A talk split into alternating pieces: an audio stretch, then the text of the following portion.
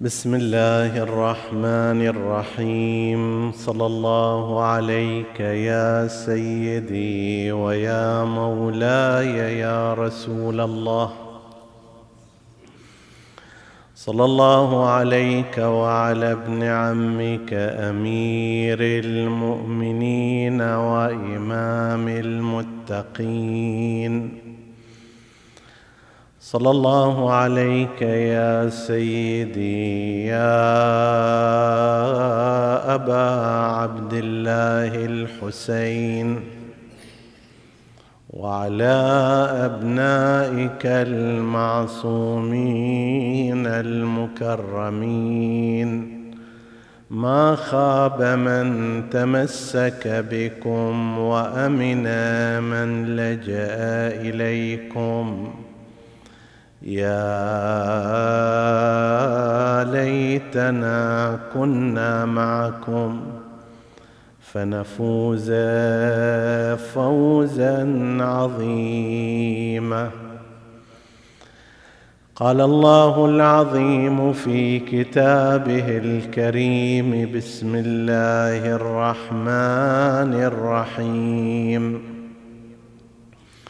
وقال الرسول يا رب إن قوم اتخذوا هذا القرآن مهجورا. آمنا بالله. صدق الله العلي العظيم. عطروا مجالسكم بذكر محمد وآل محمد.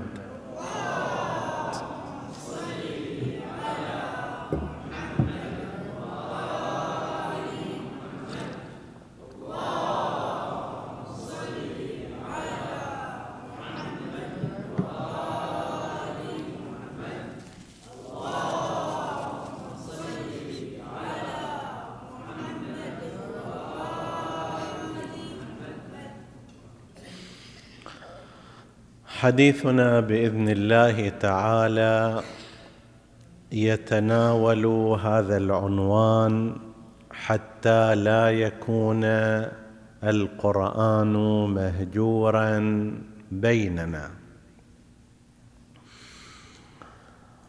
الآية المباركة ترفع شكاية من النبي صلى الله عليه وآله إلى ربه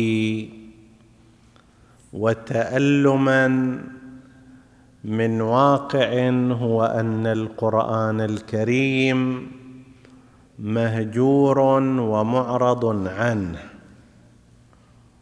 وهذا الأمر يقلق النبي صلى الله عليه وآله ويؤذيه لجهات متعددة منها أن هجر القرآن الكريم ينتهي بالأمة وبالمسلمين إلى ضيق الحياة الدنيا وإلى سوء العاقبة في الآخرة.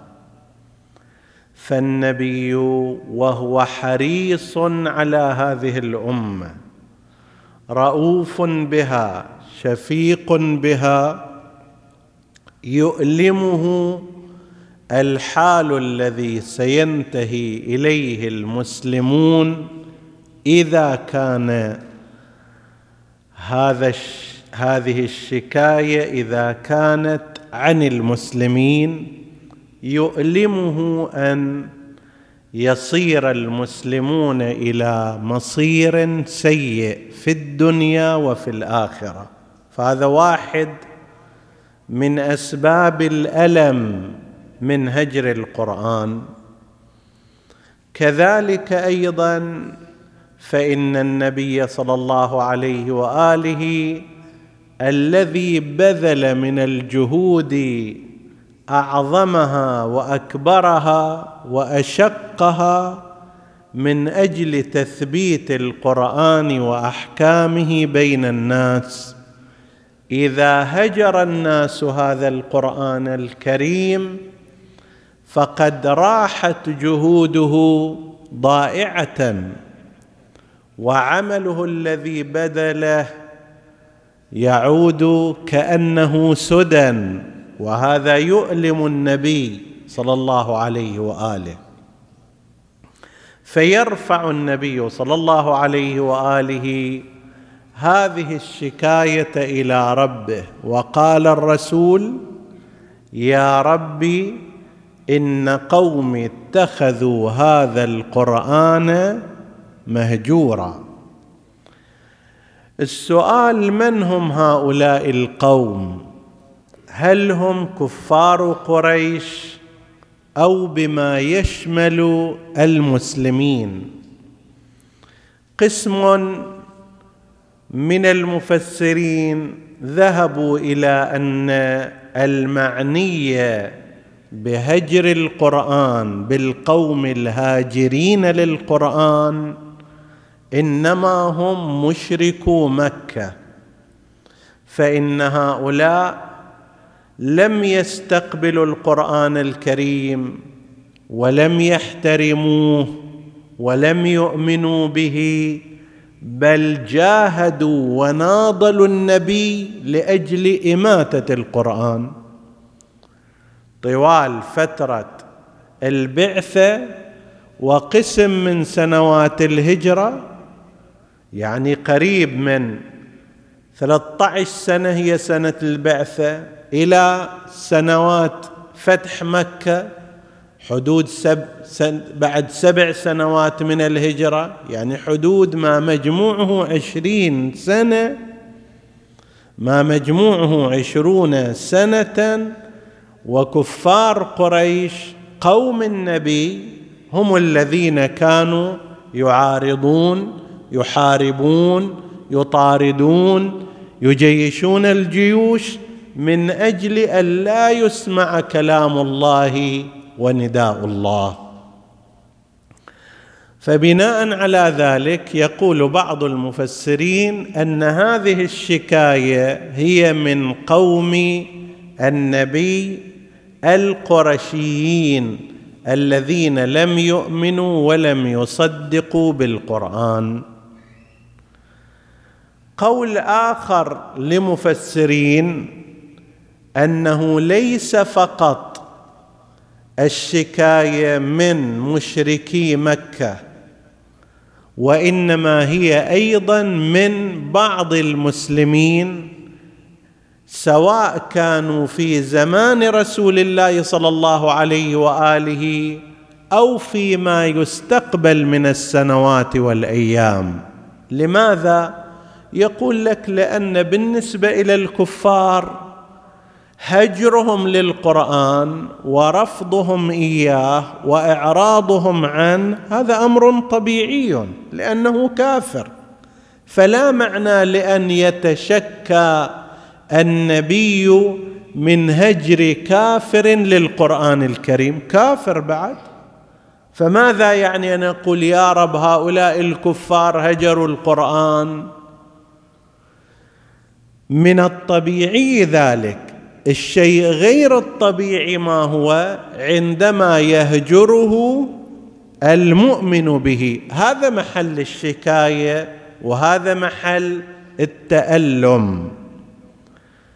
فلذلك يستقرب بعض المفسرين أن الآية المباركة يقصد منها قوم النبي من المسلمين أو لا أقل بما يشمل المسلمين لأن هذا أمر غير طبيعي أن يكون إنسان مؤمنا بالقرآن ومع ذلك يهجره. هذا محل الشكاية.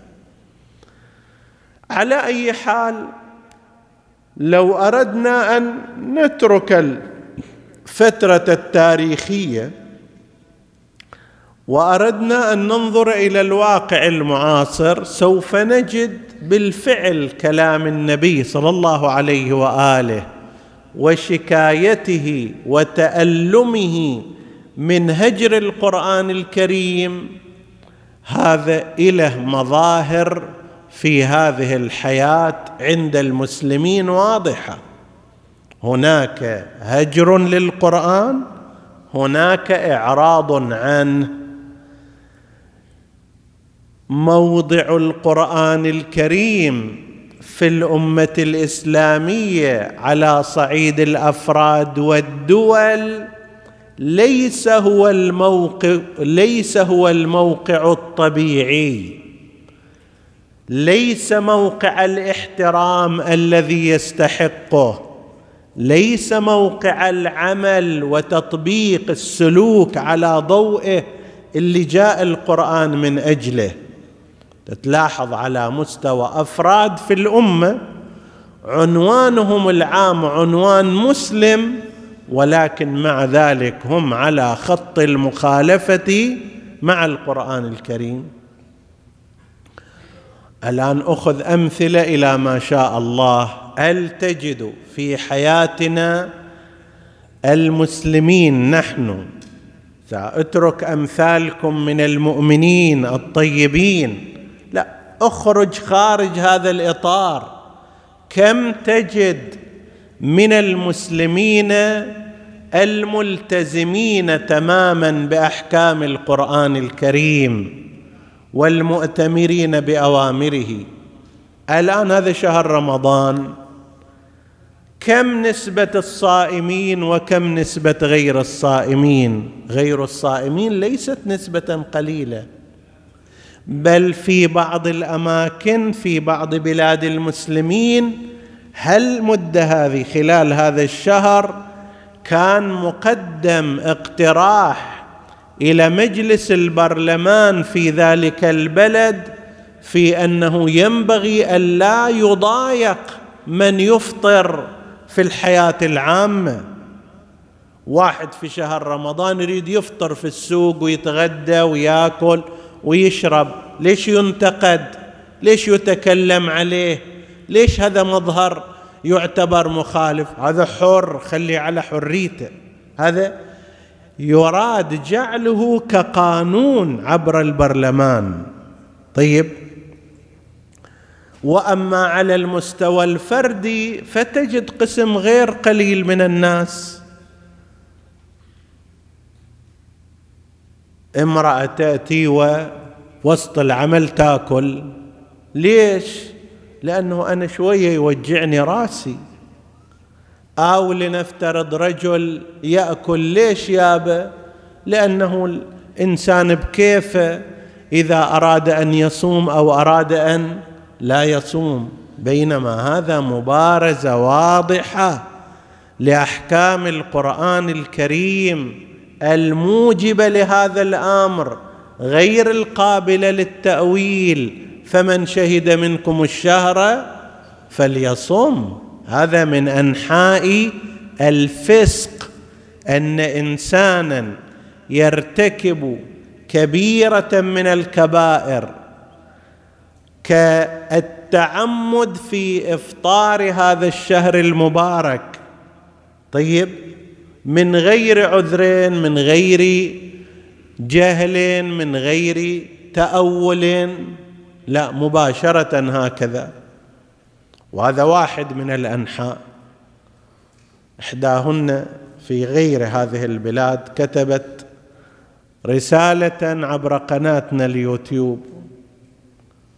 وتسأل تقول أنا امرأة متدينة. والشيء اللي يخرجني من طوري في هذا الشهر المبارك أن زوجي يعاقر الخمر في نهار شهر رمضان. نهار شهر رمضان. حرمة الصيام حرمة الشهر. ملائكة نازلة شياطين مصفدة. هذا واحد من الشياطين غير المصفدة يظهر. طيب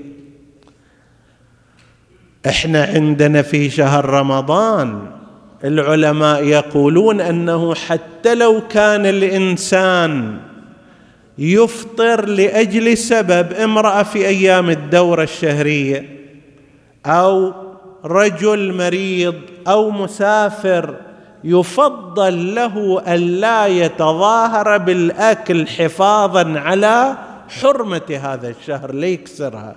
هذا مع أنه معذور من الناحية الشرعية.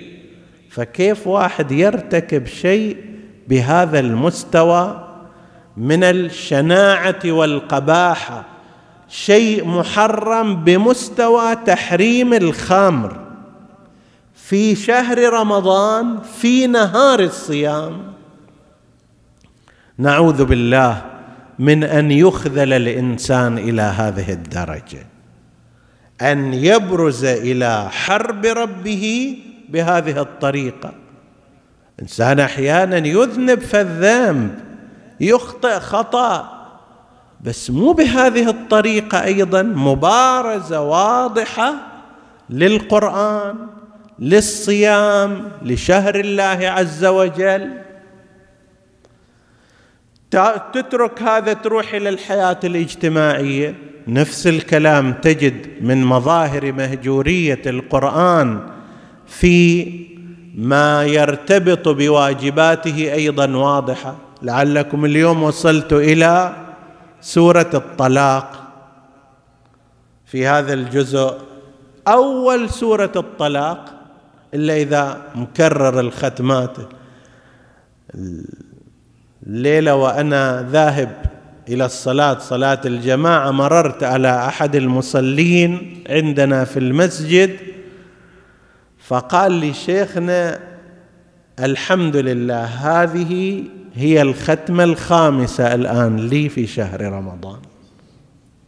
خمس مرات ختم القرآن وهذا هو إنسان يروح الشغل من الصباح ها؟ مو إنسان قعدي وكذا لا يروح الشغل من الصباح طيب ويرجع عصرا لاحظ شلون؟ خمس ختمات ويأتي عادة قبل الصلاة طول السنة هكذا. قبل الصلاة بنصف ساعة أكثر أقل في هالأيام أكثر في سائر الأيام نصف ساعة ويقرأ القرآن الكريم. ما أدري هذا في السنة قد يختم القرآن. بس في شهر رمضان قال لي أنا اليوم هذه هي الختمة الخامسة. طيب هنيئا له.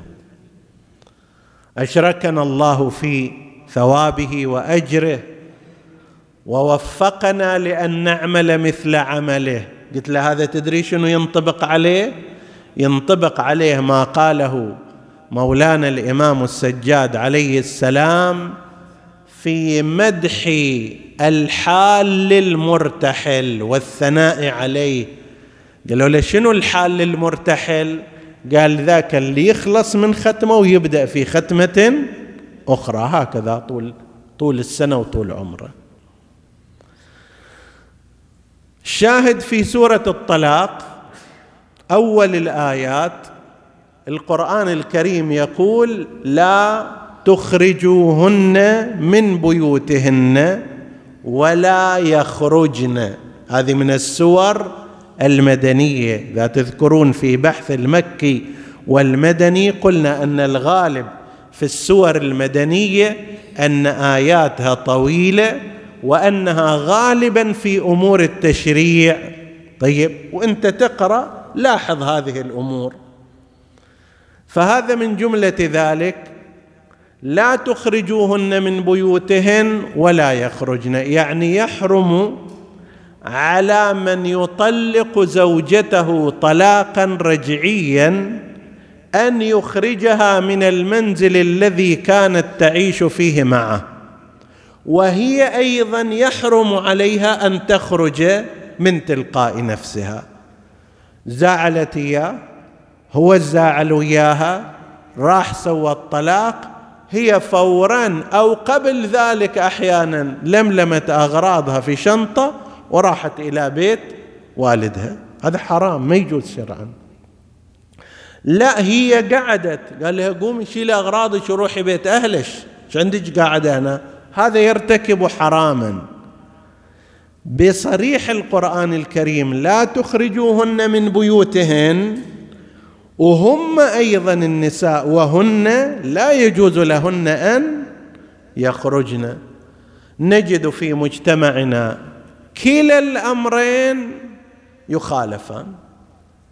هم أنا المطلق لا سمح الله أخرج زوجتي وإذا أنا ما طلعتها هي تطلع من نفسها. فنرتكب مخالفة القرآن في آيات صريحة في ذلك. هذا من مظاهر هجر القرآن. هذا على مستوى الأفراد.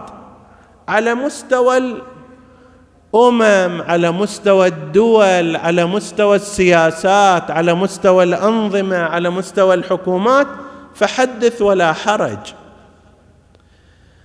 نادرا ما يكون القرآن الكريم في بعض بلاد المسلمين دستورا للأحكام.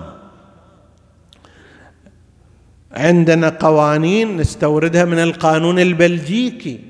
من القانون الفرنسي من سائر القوانين الأخرى والقرآن الكريم لا يلتفت إلى قوانينه وإلى أحكامه بل يقنن القانون على خلاف صريح القرآن الكريم. قلت هذا الآن مثلا موضوع اللي في البرلمان أرادوا أن يقروا في هذا الشهر أحد برلمانات الدول الإسلامية أن يقروا قانونا بعدم الاعتراض على من يفطر في نهار شهر رمضان وأنه إحنا دولة علمانية اللي يحب يصوم يصوم واللي يحب يكفر يكفر وما حد له حق أن يعترض على أحد. طيب زين وين الأمر بالمعروف وكنتم خير أمة أخرجت للناس تأمرون بالمعروف وتنهون عن المنكر. طيب. إذا اجوا يريدون يقننون قوانين في بعض بلاد المسلمين يجي يقنن قانون على أساس ماذا؟ أنه الأحوال الشخصية يصير إلها قوانين مستوردة من الخارج في الميراث للذكر مثل حظ الأنثى والأنثى لها مثل حظ الذكر وأمثال ذلك من القوانين. الحضانة إليها قوانين وضعية بدل القوانين الإسلامية. الزواج إلى قوانين وضعية غير القوانين الإسلامية. الطلاق كذلك وعلى هذا المعدل. فهذه من مظاهر مهجورية القرآن الكريم في بلاد المسلمين على مستوى الأفراد وعلى مستوى السياسات والأنظمة. نعم الحمد لله رب العالمين الفئة الغالبة من الناس من عامة الناس عندهم من الفطرة الحسنة ومن الإيمان ما يجعلهم يتوجهون إلى القرآن ويأتمرون بأوامره قدر استطاعتهم. يعني الصورة ليست سوداء إلى هالمقدار. الآن نحن نجد أيضا في الجانب الآخر من الصورة مثل هذه المجالس المباركة وغيرها غيرها موجود أيضا. نجد حرص على قراءة القرآن على تعلمه على استماعه على ختمه. طيب على العمل به. هذا كله موجود أيضا. لكن ذاك القليل الآخر اللي ذاك الصوب موجود هو كثير. أكو بعض الأشياء قليلها كثير. يقولون من الأشياء اللي قليلها كثير النار. قليل النار كثير عود كبريت هالقد. ولكن يحرق إلى شنو؟ غابة كاملة. يحلق إلى بلد كامل. قليلها كثير. هنا أيضا قليل هذا فيما يرتبط بالقرآن الكريم هو كثير. إذا صار عدم التفات مهجورية محاربة للقرآن تعدي عليه عدم بأحكامه ولو كان في فئة قليلة هذا القليل نعتبره كثيرا. لا سيما وأن هذا القرآن إنما يدعو لسعادة الخلق يا أيها الذين آمنوا استجيبوا لله وللرسول إذا دعاكم لما يحييكم. أي في حياتكم. تصنع لك حياة سعيدة استقرارا امانا. تصنع لك مستقبل في فائدتك في نفعك. ما الذي ينبغي أن نفعل أكثر من هذا حتى لا يكون القرآن بيننا مهجورا؟ حتى بهذا المقدار. أول أمر على مستوانا الشخصي نحن كل واحد منا. المتحدث قبل السامعين والحاضرين الحاضرون قبل الغائبين كل واحد ينبغي أن يديم فترة التوجه إلى القرآن التي اكتسبها في شهر رمضان لما بعد شهر رمضان. أحسن ثمرة تقتطفها من شهر رمضان هي قوة علقتك بالقرآن الكريم. غالبا الناس في شهر رمضان يقبلون على القرآن. الأكثر لو تسأل أكثر الحاضرين وغيرهم تجد إما قرأ ختمه أو قريب منها أو نصف أو أكثر من ذلك. بعضهم مثل ما ذكرنا مثل هذا العبد الصالح خمس ختمات. كل شخص في شهر رمضان قرأ مقدارا من القرآن كثر أو قل. صارت بينه وبين القرآن علقة وأنس. استمع إلى القرآن الكريم. صارت بينه وبين القرآن علقة وأنس. شهر رمضان أيضا هو ربيع القرآن. لكل شيء ربيع وربيع القرآن شهر رمضان. هذه العلقة خل نسعى لكي تستمر ما بعد شهر رمضان.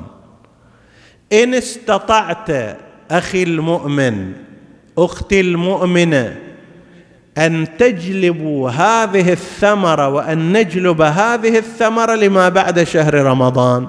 يعني لا تتخلى عن قراءة القرآن يوميا ولو صفحة واحدة وهو أضعف الإيمان.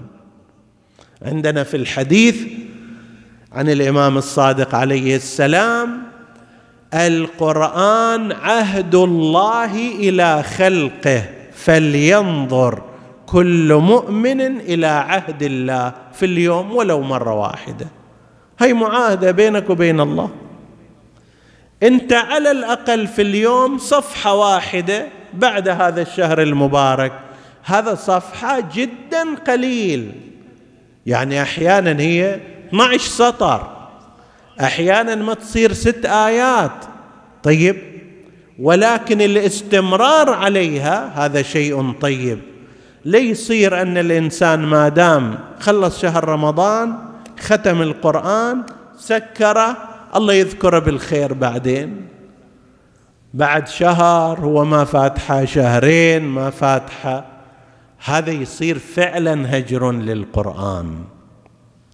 هذا بالنسبة لنا لنسعى أن نستمر يوم العيد لا تترك قراءة القرآن ولو صفحة واحدة. ثاني العيد اقرأ القرآن ولو صفحة واحدة. ثالث العيد وهكذا. خلي هذا الأمر مستمر عندك. لا سيما بعد الصلاة إن استطعت. عندك ثلاثة أوقات للصلاة. بعد صلاة الفجر تقدر تقرأ صفحة. ما صار خليها على صلاة الظهر ما صار خليها على صلاة المغرب والعشاء. إذا استمريت على هذا كنت من مصاديق المقبلين على القرآن غير المعرضين عنه. هذا واحد. الأمر الثاني ما يرتبط بنشر القرآن الكريم وبثه وتبليغه بين الناس. من واجباتنا أيها الأحباب أن نسعى في نشر القرآن في طباعة القرآن في توزيع القرآن. الغالب من الناس يقولوا هذا شغل الحكومات الآن حكومات المسلمين ما شاء الله يطبعون هالقرائين بالملايين وتتوزع في كل مكان. هذا يصنعونه نعم ما يصنعون. زين أنا ما لي مسؤولية في هذه الجهة؟ ما أريد أحشر في يوم القيامة ضمن عناوين من نشر القرآن النبي المصطفى محمد.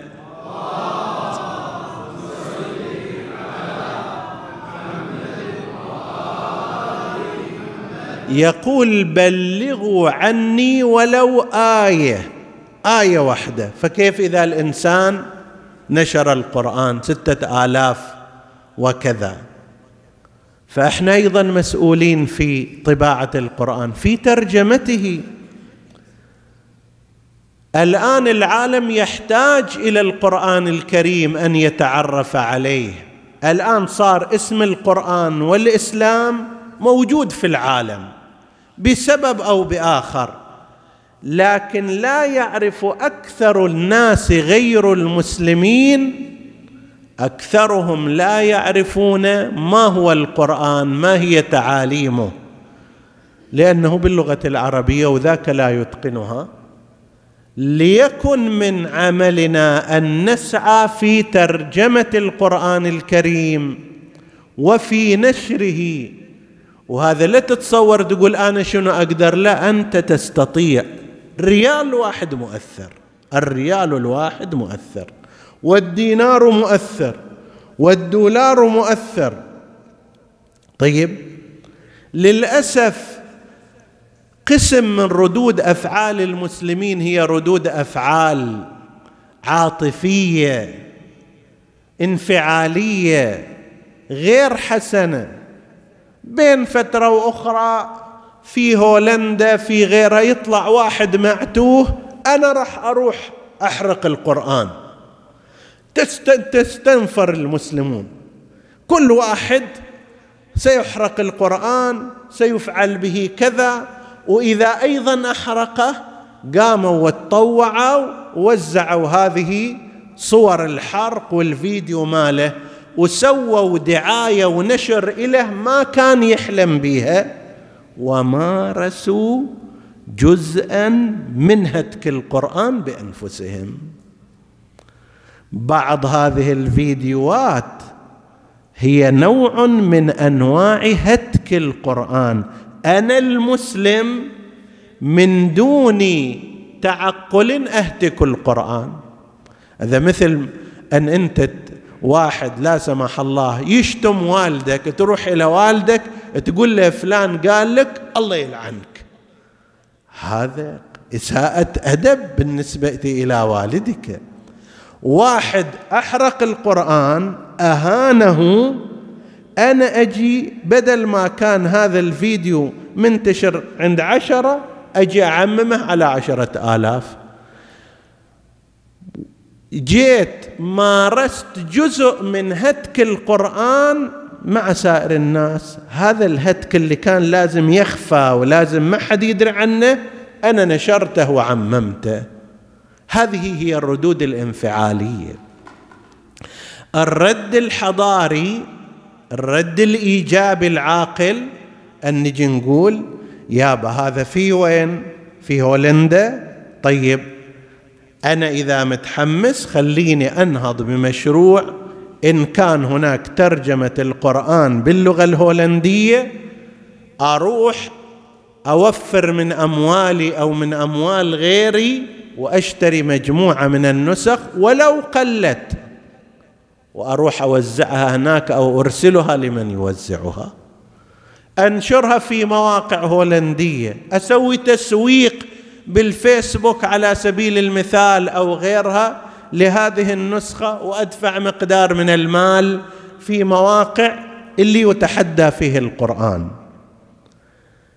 أحرض أناس اللي عندهم أموال عندهم إمكانية على أنه تعال لأجل أن تحصل على الثواب لأجل أن والديك يحصلان على الثواب تعال خل ننشر القرآن الكريم بهذه اللغة في المكان الذي يمارس فيه هتك القرآن. أنا أوزع خمسة آلاف نسخة هناك لو يقرأها خمسة يتأثرون. هذا هو العمل الإيجابي.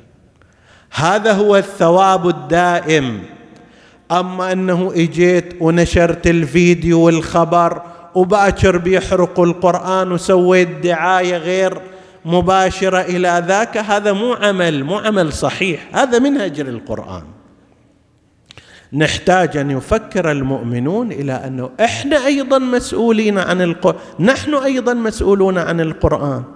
لنتصور بس الدول مسؤولة عن القرآن. أو قسم يجي يقول طيب ليش المرجعية ما تسوي هذا؟ لنفترض المرجعية سوت هذا. أنا وأنت ما نحتاج إلى ثواب. ما نريد يوم القيامة نجي والقرآن يكون لنا شافعا مشفعا؟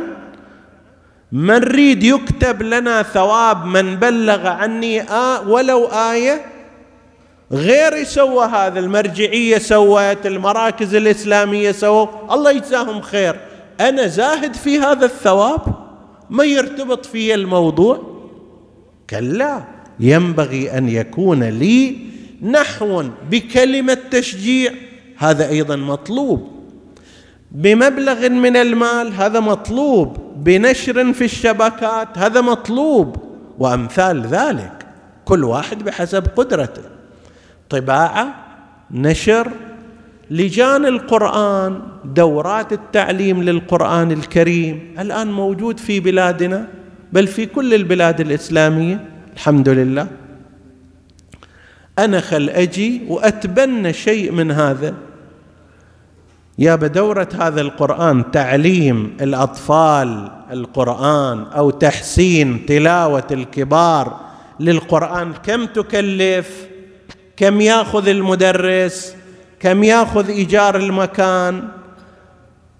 هذا مبلغ من المال عني وعن والدي وعن أهلي. أنا أكون بطريق غير مباشر. علمت عشرين ثلاثين أربعين أكثر. القرآن الكريم. مسابقات القرآنية اللي تدعو إلى الإقبال على القرآن. من الممكن أن يتعهدها الإنسان. وأمثال ذلك كثير. ومجال الخير فيه واسع. تشوف القرآن هنا متوفر في بلادنا وفي بعض البلاد. لكن في بعض البلاد الأخرى المسلمة لا يجدون نسخة من نسخ القرآن. في أفريقيا في بعض أماكن آسيا مسلمون يريدون أن يقرأوا القرآن لا يجدون النسخ الكافية. فنحن نحتاج في هذا الجانب إلى مثل هذا الأمر. وابواب الخير فيه كثير. أوقاف. الأوقاف للقرآن. للأسف أنا ولو بتتبع قليل وجدت أن الوقف للقرآن في الدائرة التي نعرف وقف قليل. يمكن واحد عنده أوقاف إلى أشياء مختلفة بس واحد يجي يوقف بناية لتعليم القرآن. يوقف بناية لطباعة القرآن الكريم لترجمة القرآن مؤسسة قرآنية يوقف لها وقفا من عنده. هذا بحسب اطلاعي جدا قليل في دائرتنا القريبة. ممكن أن عندنا أوقاف كثيرة لأمور متنوعة وهو شيء حسن بس هذا أيضا القرآن هو في أهميته لا يقاس به شيء من الأشياء. الأثلاث أتاح الشرع المقدس للإنسان أن يتصرف في ثلث أمواله ميراثا الورثة يأخذون ثلثين وثلث هو يقدر يتصرف فيه. تعال سوي لك بالثلث مالك ما يرتبط بأمور القرآن أنه أنا هذا بعد لنفترض قضاء ما ينبغي قضاؤه علي منها ثلث اموالي الباقية اصرفوه في خدمة القرآن. إما ثل إما وقف إما إنفاقات هكذا إما استثمار لأمر القرآن. هذا من الأمور النافعة جدا والباقية في الأجر. شافع مشفع ماحل مصدق. إذا تليت آية واحدة من قبل تال للقرآن وقد طبعت ذلك القرآن لك ثواب. علمت شخصا واحدا قراءة القرآن وتلاوته بشكل صحيح أو ساهمت في تعليمه بمال أو مكان أو غير ذلك هذا لك أجر ما يتلو طيلة حياته. فهذه من الأمور المهمه نذور إلى القرآن. إلى الآن تسامعين واحد نذر للقرآن؟ أنا ما سامع. أنه مثلا إذا مريضي شفي أسوي كذا للقرآن الكريم أنشر كذا نسخة أطبع تفسير للقرآن الكريم أوزع نسخ في الأماكن التي يحتاج إليها. أنا ما سامع لعله موجود بس أنا ما سامع. أن ينذر للقرآن الكريم إذا ابني المبتعث اللي أموره مثلا صعبه مدى يحصل نجاح إذا لنفترض الله رزقه النجاح أنا أزود المراكز الإسلامية في تلك المنطقة بنسخ من القرآن. وإذا عندهم دورات تعليم قرآن أنا أتكفلها. أتكفل حافظ للقرآن أتكفل معلم للقرآن وهكذا. فهذه من الأمور التي ينبغي أن يتحرك الإنسان المؤمن فيها حتى لا يكون القرآن مهجورا وقبل كل هذا العمل بالقرآن وأوامره والانتهاء عن نواهيه حتى نجسد القرآن في أخلاقنا وسلوكنا وعباداتنا نصبح اناسا قرآنيين بمعنى أنهم يطبقون سلوكهم على وفق هدي القرآن الكريم. نسأل الله سبحانه وتعالى أن يوفقنا وإياكم لأن نخدم القرآن ونعظمه ونحترمه ونعمل به ونتلوه آناء الليل وأطراف النهار وأن يجعل الله القرآن ضياء قلوبنا ونور دروبنا وشفيعنا إلى الجنة إنه على كل شيء قدير. غدا بعضكم أيضا سيكمل ختمة القرآن غالبا. أشركوني وأشركوا إخوانكم في هذه الختمة وفي ثوابها وأنا إن شاء الله أشرككم فيما قرأت من القرآن وأنا أقلكم عملا وأكثركم زللا كما يقولون.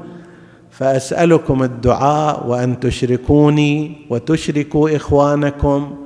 في ثواب ختمكم للقرآن. بين قوسين وهذا تدرون عنه لما تشرك عشرة آلاف واحد ما ينقص شيء يوصلك نسختك الكاملة ويوصل إليهم نسخة أيضا كاملة. مرة قلنا قبل هذا إنه هذا مثل الإيميل. إيميل ترسل إلى واحد توصل الرسالة كاملة وترسل إلى عشرة آلاف واحد نفس الرسالة توصل أيضا كاملة لكل شخص. إذا أشركت غيرك في أعمالك توصل إلهم ويوصل إليك وتكون مداينهم أيضا. يعني يصير يصير مطلوب لك بشيء طيب ويسدده لك. إذا ما سدده الله يبعث عندنا في الرواية يبعث من الملائكة من يقوم مقامه. يعني مثلا أنت قلت هذا وارد في قضية اللهم اغفر للمؤمنين والمؤمنات. إذا دعوت عدد المؤمنين والمؤمنات إيش قد؟ مليارات. من أول التاريخ إلى هذا الزمان. فهذول كلهم أنت طلبت لهم المغفرة يعني حملتهم جميل ومعروف. إما أن يردوه عليك ويقولوا لك الله يغفر لك فأنت فد مليار واحد يقول لك غفر الله لك. فإن لم يحدث ذلك جعل الله مكان كل واحد من هؤلاء الناس ملكا ينوب عنه ويدعو لك مثل ما دعوت له. فإشراك المؤمنين ولعل واحد من المؤمنين هذا المتكلم إشراك المؤمنين في ختمتك ودعائك ينفعك أيضا كما ينفعهم. تجي يوم القيامة تشوف رصيدك شيء هائل جدا من وين هالأشياء أنا؟ وأنا ما مسويها. غيرك محول من رصيده الك ومرحل من حسناته إليك. طيب وأنت لا تعلم. في نهاية هذا المجلس نختم مجلسنا بمسك الختام مدح محمد وآل محمد.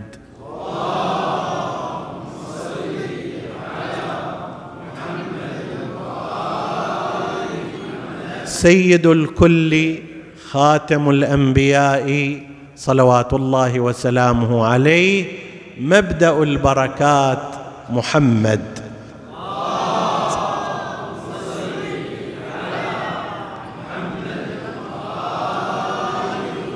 فاق النبيين فاق النبيين في خلق وفي خلق. ولم يدانوه في علم ولا كرم. وكلهم من رسول الله ملتمسون.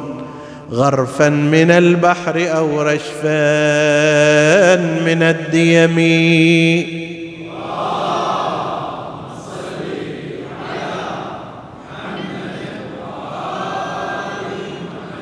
فهو الذي تم معناه وصورته ثم اصطفاه نبيا بارئ النسم. منزه عن شريك في محاسنه فجوهر الحسن فيه غير منقسم.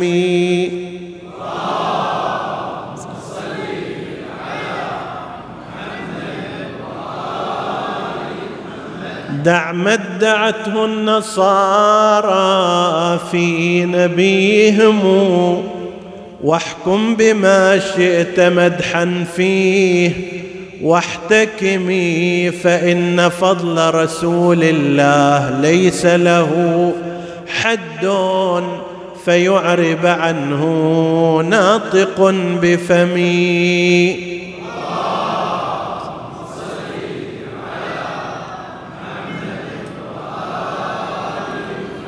وأما أمير المؤمنين ثبتنا الله على ولايته ورزقنا شفاعته. ولايتي ولايتي لأمير النحل تكفيني عند الممات وتغسيلي وتكفيني وطينتي عجنت من قبل تكويني بحبه كيف نار الحشر تكويني.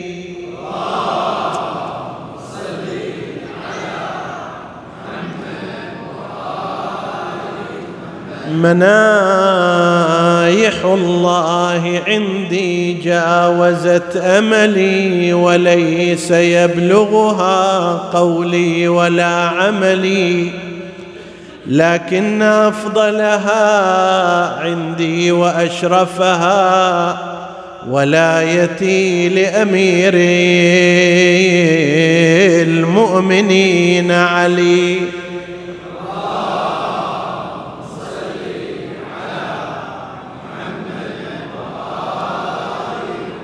وأما العترة وآل البيت يا آل بيت رسول الله حبكم فرض من الله في القرآن أنزله.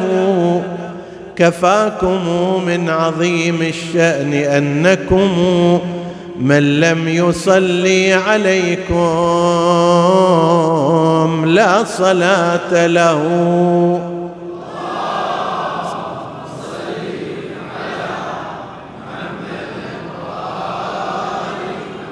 وأما شيعته المخلصون جعلنا الله وإياكم منهم يا حبذا دوحه في الخلد نابته ما مثلها نبتت في الخلد من شجر المصطفى أصلها والفرع فاطمة ثم اللقاح علي سيد البشر والفاطميان سبطاه لها ثمر والشيعة الورق المحتف بالثمر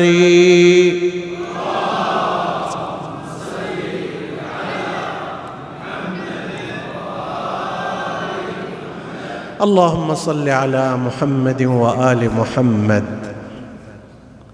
أفضل وأحسن وأكثر وأنمى وأزكى وأطيب وأطهر وأكثر وأسنى ما صليت على أحد من خلقك. وبلغهم منا تحية كثيرة وسلاما. اللهم صل على محمد وآل محمد واحشرنا معهم. وفي زمرتهم ولا تفرق بيننا وبينهم في الدنيا والآخرة. اللهم صل على محمد وآل محمد واشفي مرضانا وارحم موتانا وفرج اللهم عن مكروبينا. اللهم صل على محمد وآل محمد وأغني كل فقير. أشبع كل جائع. اكسو كل عريان فرج عن كل مكروب اقض دين كل مدين.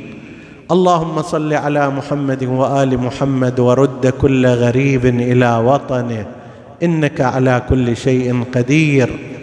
اللهم وفقنا للالتزام بدينك واحشرنا مع القرآن وشفع فينا القرآن إنك على كل شيء قدير. اللهم إنك تعلم حالنا وما يجري علينا وما نحتاجه فاقض ذلك كله لنا. وإن لم نسألك إياه يا رب العالمين إلى أرواح موتى السامعين والمؤسسين ولا سيما المرحوم الحاج علي آل محسن. وإلى موتى السامعين وعموم المؤمنين نهدي ثواب الفاتحة تسبقها الصلوات.